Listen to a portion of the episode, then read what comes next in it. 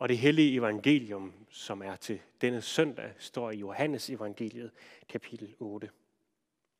Jesus sagde til dem, Når I får ophøjet menneskesønnen, der skal I forstå, at jeg er den, jeg er, og at jeg intet gør af mig selv. Men som faderen har lært mig, sådan taler jeg. Og han, som har sendt mig, er med mig. Han har ikke ladt mig alene, for jeg gør altid det, der er godt i hans øjne. Da han talte sådan, kom mange til tro på ham. Og Jesus sagde nu til de jøder, som var kommet til tro på ham, hvis I bliver i mit ord, er I sandelig mine disciple. Og I skal lære sandheden at kende, og sandheden skal gøre jer frie. De svarede ham, vi er Abrahams efterkommere og har aldrig trællet for nogen. Hvordan kan du så sige, at I skal blive frie? Jesus svarede dem, sandelig, sandelig siger jeg jer. En hver, som gør synden, er syndens træl. Men trallen bliver ikke i huset for evigt. Synden bliver der for evigt. Hvis altså synden får gjort jer frie, skal I være virkelig frie. Sådan lyder Herrens ord. Amen. Jesu ord og tale om frihed har en underlig samklang i den tid, vi er i lige nu. Vi er coronaramte. Og mange sidder frustreret og venter på, at hverdagen snart kan komme til at køre normalt igen. Den her optagelse, den er fra den 7. maj, altså i torsdags. Så det kan sagtens være, at I ved mere, end jeg gør lige nu. I hvert fald så er forhåbningerne det, at der snart må komme noget nyt fra myndighederne, så at vi, vi kan, som kan give os fornyet mod, mod snart, at genåbningen af samfundet sker, og på en eller anden måde, vi kan komme tilbage til vores normale liv. På den måde længes vi efter den frihed, som vi havde, før alt det her begyndte. En frihed, hvor vi kan mødes, hvor vi kan være sammen, hvor vi kan tage på ferie, være på efterskole, ja, besøge hinanden. Men det er ikke den frihed, Jesus taler om. Evangeliet har desværre ikke på den måde noget med corona at gøre. Det er noget andet. Og det er nogle gange også uden for vores horisont. I dagens evangelieberetning, der hører vi om folk, som bliver ramt af det, Jesus siger, og de bliver ramt med begejstring. Men de stillede sig alligevel spørgende over for det, Jesus sagde til dem. Vi er da frie. Hvad er det, du vil befri os for, kære Jesus? Og spørgsmålet i den her coronatid kunne måske være noget af, hvordan kan dine ord bremse smitten? Hvordan kan troen på dig genåbne et samfund? Så i den her scene, og med det perspektiv, så er evangeliet og budskabet om Jesus Kristus faktisk ganske uaktuelt og irrelevant. For den frihed, Jesus taler om, det er en frihed på et langt højere niveau, end det, som vi nogle gange har blik for. Det er nemlig frihed fra synd. Slår man synd op i ordbogen, så bliver det defineret på den her måde, at det er en handling eller en tankegang, som er i strid med Guds vilje. Men set i en bibels sammenhæng, så er det en meget forsimplet definition, og det er egentlig kun den halve eller sågar den kvarte forklaring. Synd er nemlig ikke udelukkende det, vi gør. Synd er en magt, som alle mennesker har været underlagt og bundet til siden syndefaldet. Synden gør, at vi synder. Altså den magt, som mennesker har været underlagt, gør, at vi ikke gør det, vi gerne vil. Som Paulus formulerer det i, i det kendte sted i Romerbrevet kapitel 7, at det gode, som jeg vil, det gør jeg ikke. Og det onde, som jeg ikke vil, det gør jeg.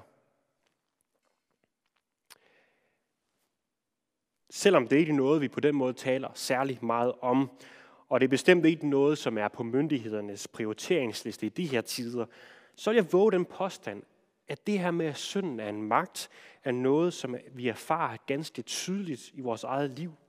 Især i de relationer, som er tæt på os. Og jeg er faktisk også ganske overbevist om, at vi i bund og grund længes mere efter at blive befriet fra den magt, end vi længes efter, at samfundet gennemåbnes.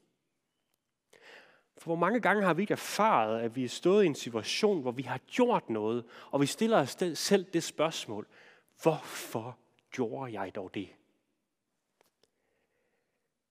Og i de situationer er det som om, der er intet, jeg kan gøre for at gøre det brudte godt igen. Det eneste, jeg kan håbe på, det er, at min undskyldning bliver hørt og bliver accepteret. Også selvom jeg egentlig ikke har fortjent det. Er det ikke netop i sådan nogle situationer, at det kan være svært at hævde sin frihed? Er det ikke tydeligt i sådan situationer, at vi på en eller anden måde er blevet knyttet til nogle handlinger, som vi egentlig ikke har lyst til? Synd er altså ikke bare det, vi gør. Synd er en magt, som driver os til at gøre ting, som vi hverken har lyst til, eller som vi synes om. Vi synder, fordi vi er syndere. I den sammenhæng, der er Jesu ord i dag ganske fantastiske. Fordi på den ene side, så tiltaler han os som syndere. Men på den anden side, så rækker han os en hånd ud af syndens definerende virkelighed. Han så at sige åbner en dør ind til frihed. Når I har ophøjet menneskesynden, siger han, og henviser til, at de mennesker, som står omkring ham, altså dem, som lige var kommet til tro på ham, at de snart vil gøre, den, gøre sig skyldige i den forbrydelse at korsfeste Guds egen søn. Når de har gjort det, så siger Jesus til dem, da vil I forstå, at jeg er den, jeg er. Først når det er for sent, når de har henrettet ham, så vil de se, hvem han er. Og så vil de stå tilbage ved den korsfæstede Guds søns lig og erkende, hvad er det dog, vi har gjort? Hvorfor gjorde vi dog det? Og hvad er der så tilbage? Hvad kan gøre sådan en forbrydelse godt igen? Der er vel ingen, det er der vel ingenting, der kan. Og kunne man forestille sig noget mere modbydeligt end det? Hvis noget skulle være utilgiveligt, så var det vel netop det at slå Gud selv i Jesus Kristus ihjel. Da Kain fra det gamle testamente havde slået sin bror ihjel, der frygtede han for det stempel, han ville få af andre mennesker. Altså den måde, som andre mennesker vil se på ham nu. En morder. Hvordan kunne han vide sig sikker? Hvad skulle forhindre andre i at slå ham ihjel nu? De havde jo alle rettigheder til det. Han har slået en mand ihjel. Selvom alt det her det er sort, det er dystert at snakke om, så er Jesus ikke i gang med en fordømmelsesprædiken. Faktisk det stik modsatte. Fordi han fortsætter nemlig.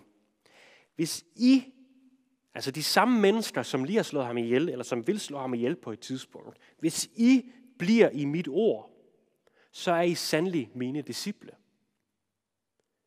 Og til sidst, hvis altså synden får gjort jer frie, så skal I være virkelig frie.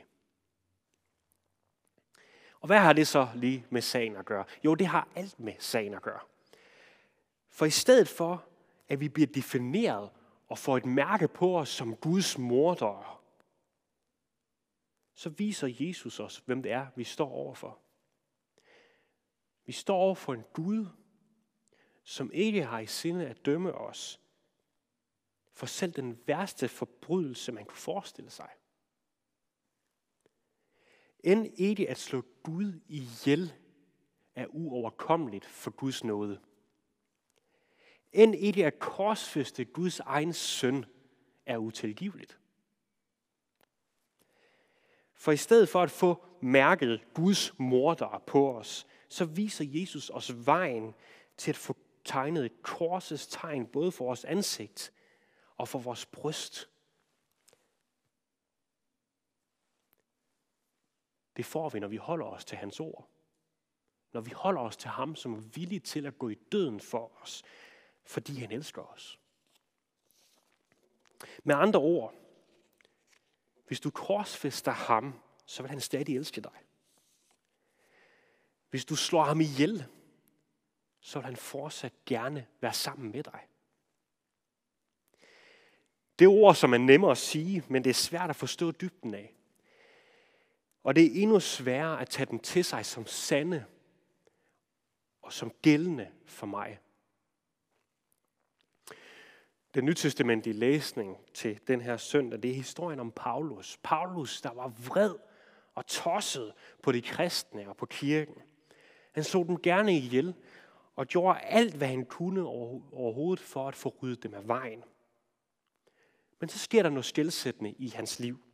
Man kunne forvente, at Guds straf ville regne ned over Paulus, når han var så grusom og så terroriserende over for de kristne. Det var Jesu disciple, han slog ihjel. Men det er ikke Guds straf, Paulus møder. Det er Guds tilgivelse og overstrømmende kærlighed, Paulus møder.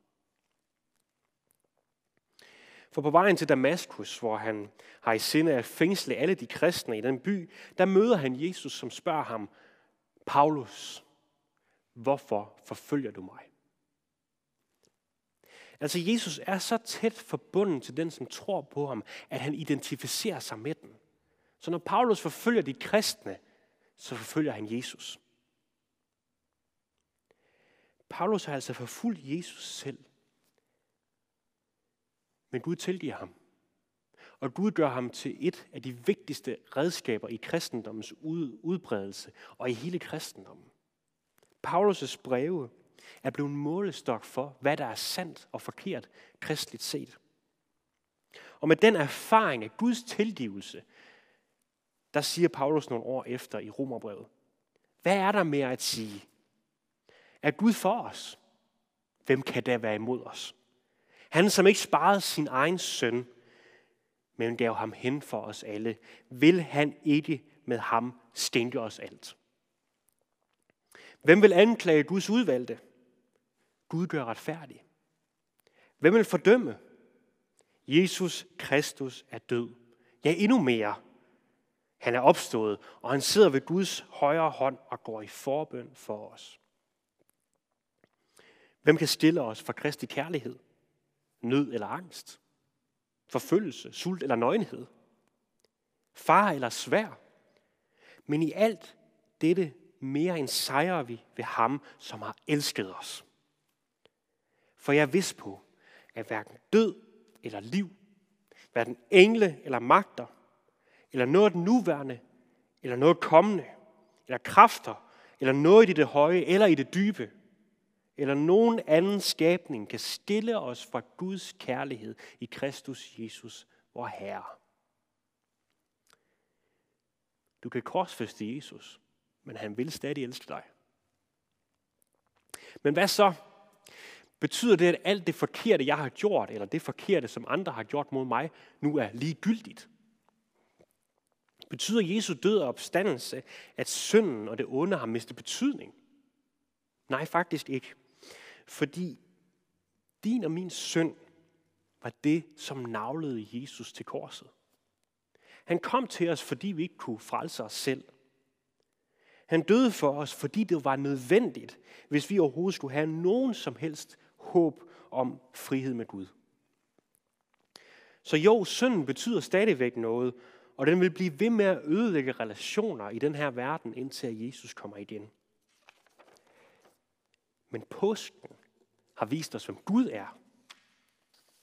Han er den korsfæstede. Han er den kærlige Gud, der ikke vil tilregne os den synd, at vi har været med til at korsfæste Jesus.